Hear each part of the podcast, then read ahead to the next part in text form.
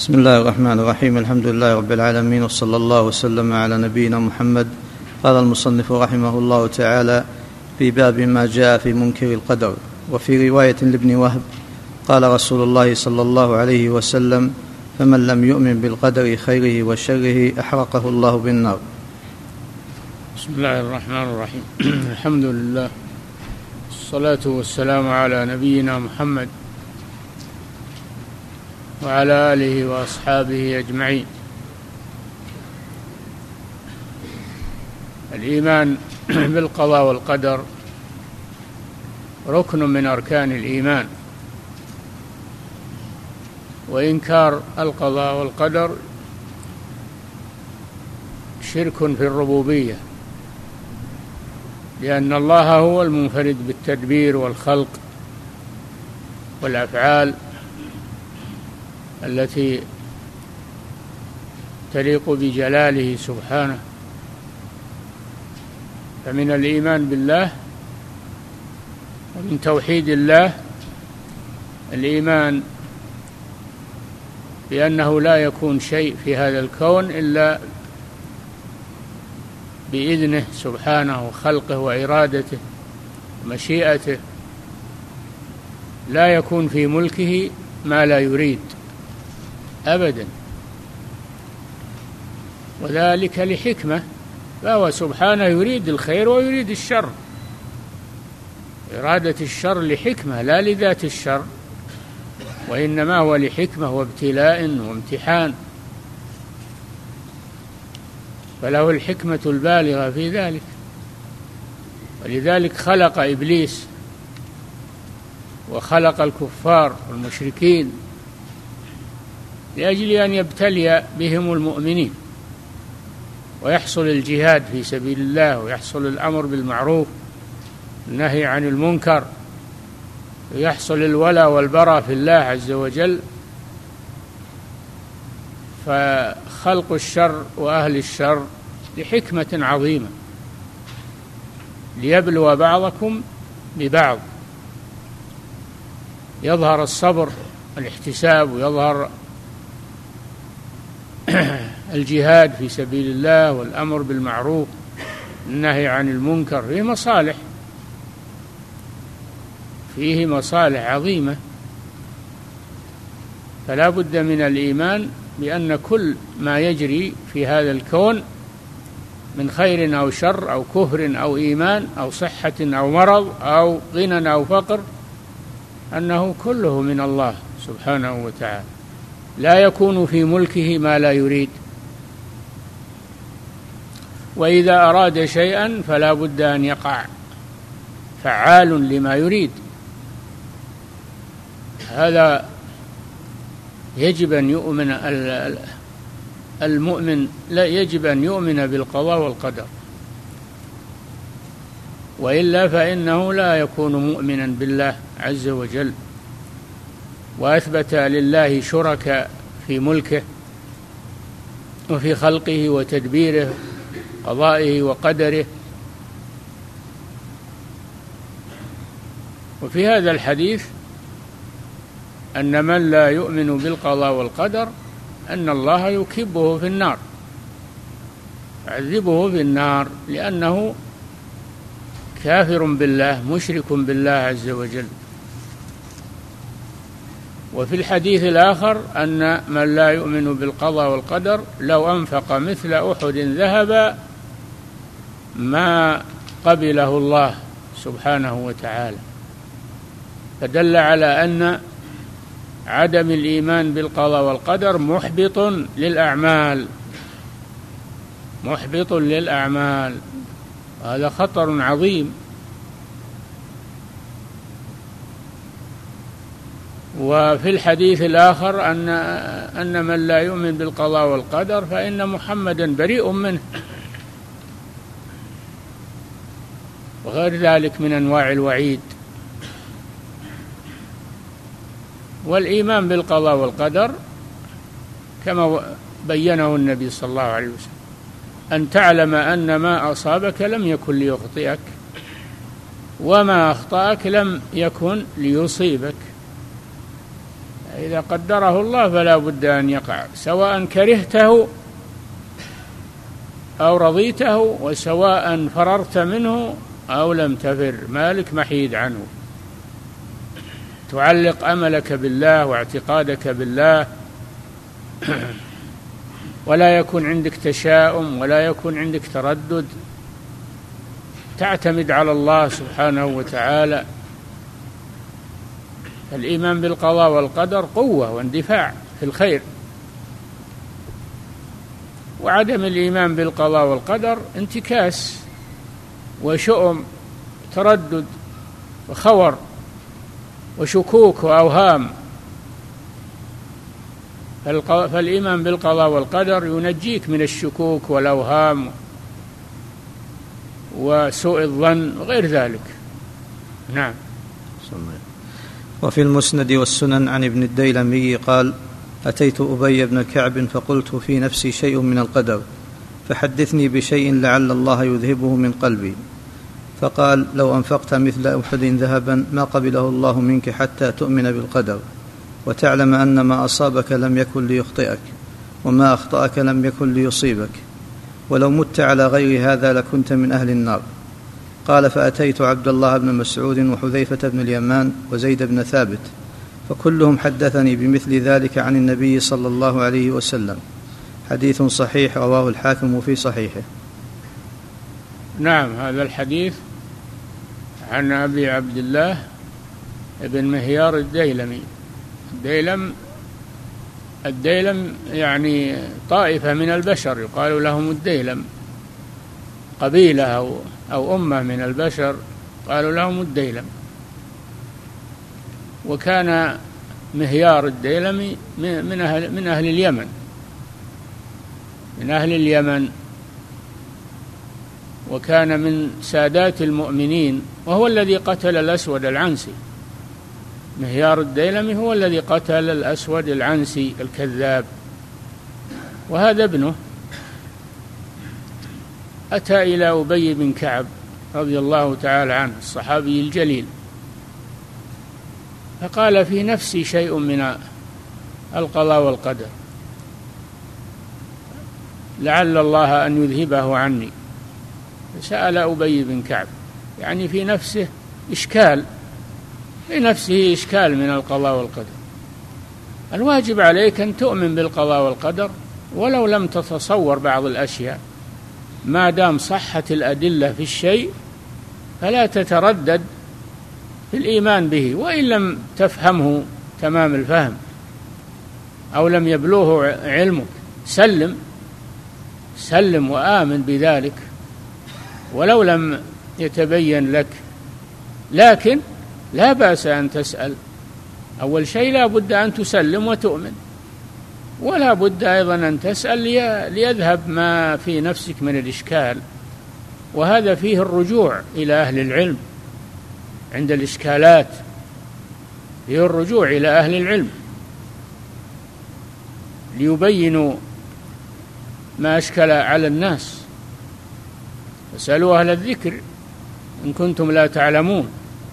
ولا يبقى الإنسان في جهله وإشكاله أو يسأل من لا علم عنده فيزيده ضلالا وإشكالا أو هو يفسر الأمور من عند نفسه بغير تفسيرها الصحيح.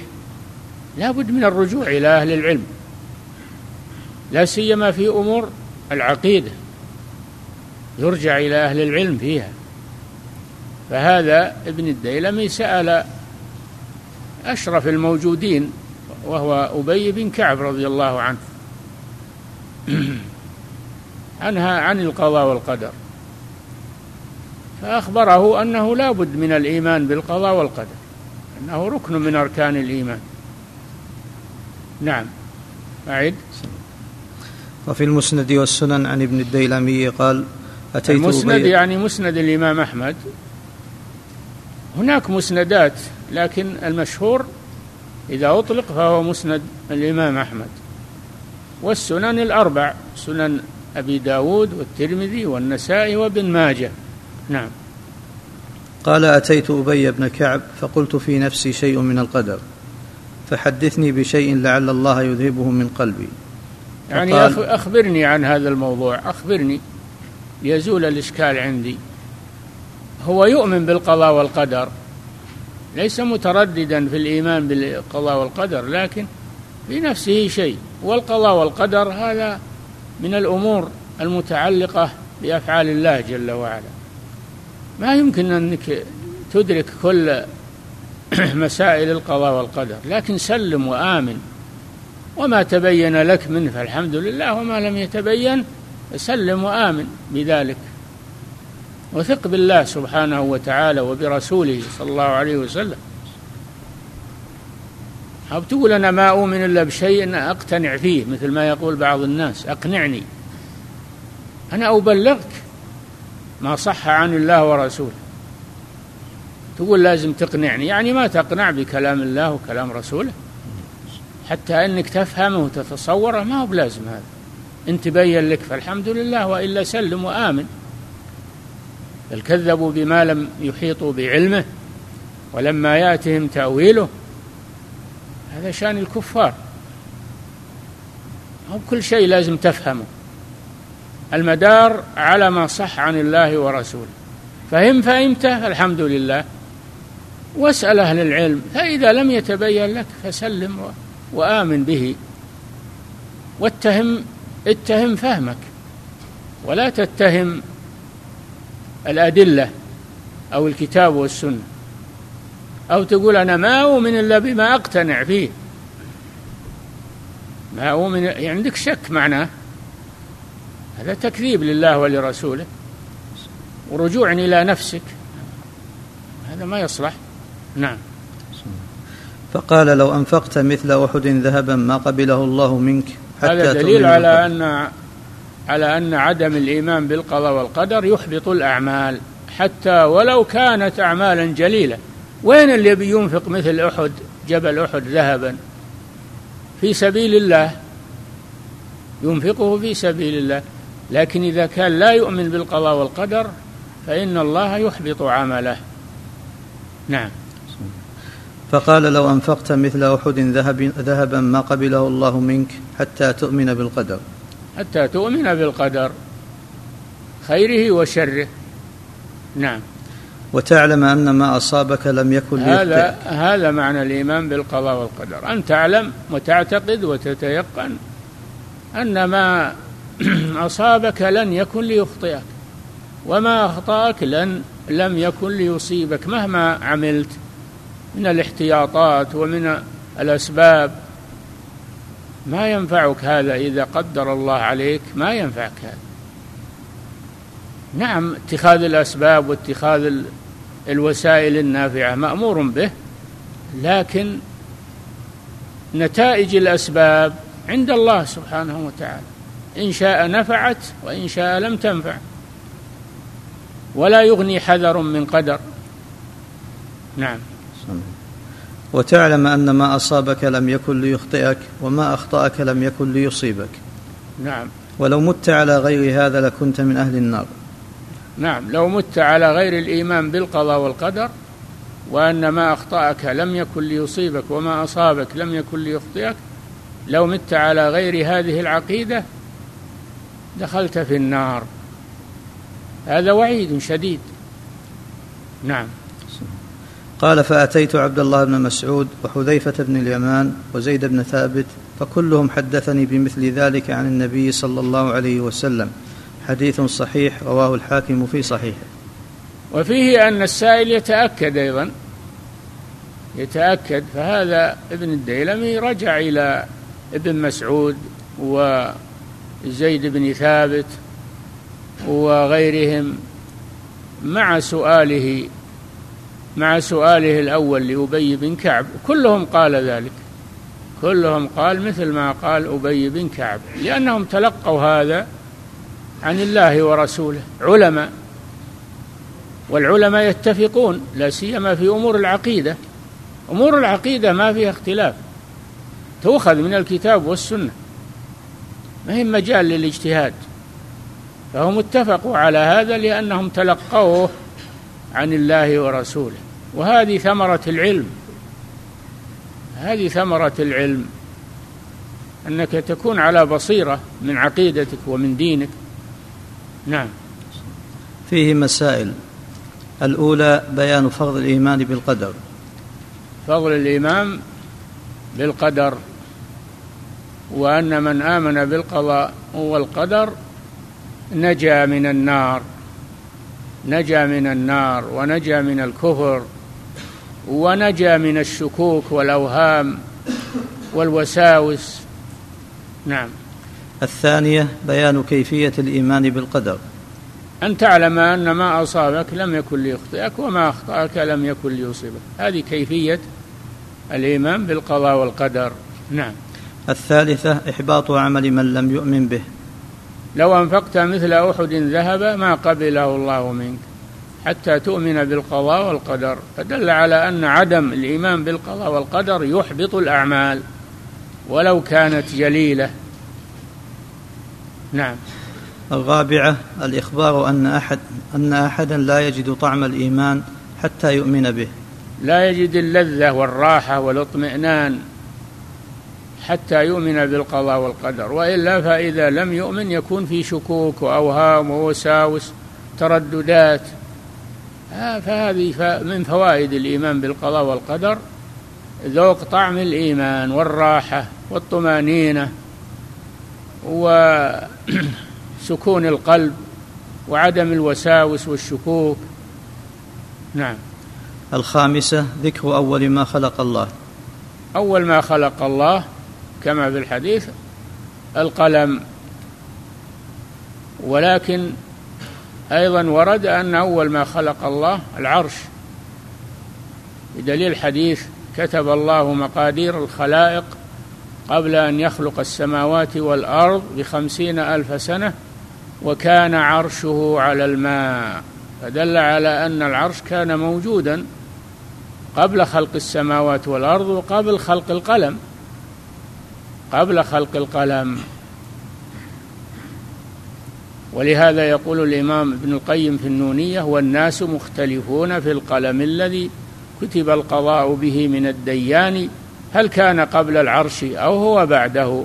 قولان عند أبل على الهمذان والحق أن العرش كان قبل لأنه وقت الكتابة كان ذا أركان وكتابة القلم الشريف تعقبت إيجاده من غير فصل زمان. فأول ما خلق الله القلم قال له اكتب يعني أن الكتابة مقارنة لخلق القلم. هذه الأولية وأما الأولية المطلقة فهي للعرش بحسب الأدلة وكان عرشه على الماء. نعم. السادسة أنه جرى بالمقادير في تلك الساعة إلى قيام الساعة. أنه ما ترك شيء يجري في هذا الكون من ذاك الوقت إلى أن تقوم الساعة إلا وهو مكتوب في اللوح المحفوظ بهذا القلم. وكل شيء في كتاب مبين كل شيء مدون. فالله علمه أولا ثم كتبه ثانيا ثم شاءه وأراده ثالثا ثم خلقه رابعا. هذه مراتب الإيمان بالقضاء والقدر. نعم. السابعة براءته صلى الله عليه وسلم ممن لم يؤمن به. براءته وهذا وعيد شديد. إذا قال أنا بريء ممن فعل كذا أو ممن لم يفعل كذا فهذا وعيد شديد. فدل على أن من لم يؤمن بالقضاء والقدر تبرأ منه رسول الله صلى الله عليه وسلم. نعم. الثامنة عادة السلف في إزالة الشبهة بسؤال العلماء. أن العادة عند السلف أنهم يرجعون إلى العلماء فيما أشكل عليهم لا سيما في أمور العقيدة. المشكلات في العقيدة أهم شيء ما تبقى على إشكالك. راجع أهل العلم. الله جعل العلماء لأجل أن يبينوا للناس ما أشكل عليهم فبوجودهم يرجع إليهم. نعم. التاسعة أن العلماء أجابوه بما يزيل شبهته وذلك أنهم نسبوا الكلام إلى رسول الله صلى الله عليه وسلم فقط. نعم أنهم أجابوه. أن العلماء أجابوه بما يزيل شبهته وذلك من كلام رسول الله صلى الله عليه وسلم لا من عندهم. فمن ذكر حكما من الأحكام أو عقيدة من العقائد فلا بد أن يذكر دليلها من الكتاب والسنة لا من الأفكار أو من تأويلات أو من لا, بد دليل من الكتاب والسنة. الله لم يكلنا إلى عقولنا ولا إلى أفكارنا ولا إلى تصوراتنا وإنما أنزل علينا كتابا وسنة نرجع إليهما فيما يشكل من أمور الدين والدنيا أمور العقيدة وأمور العبادة وأمور المعاملات وغير ذلك. والحمد لله. فإن تنازعتم في شيء فردوه إلى الله والرسول إن كنتم تؤمنون بالله واليوم الآخر ذلك خير وأحسن تأويلا. الحمد لله رب العالمين وصلى الله وسلم على نبينا محمد.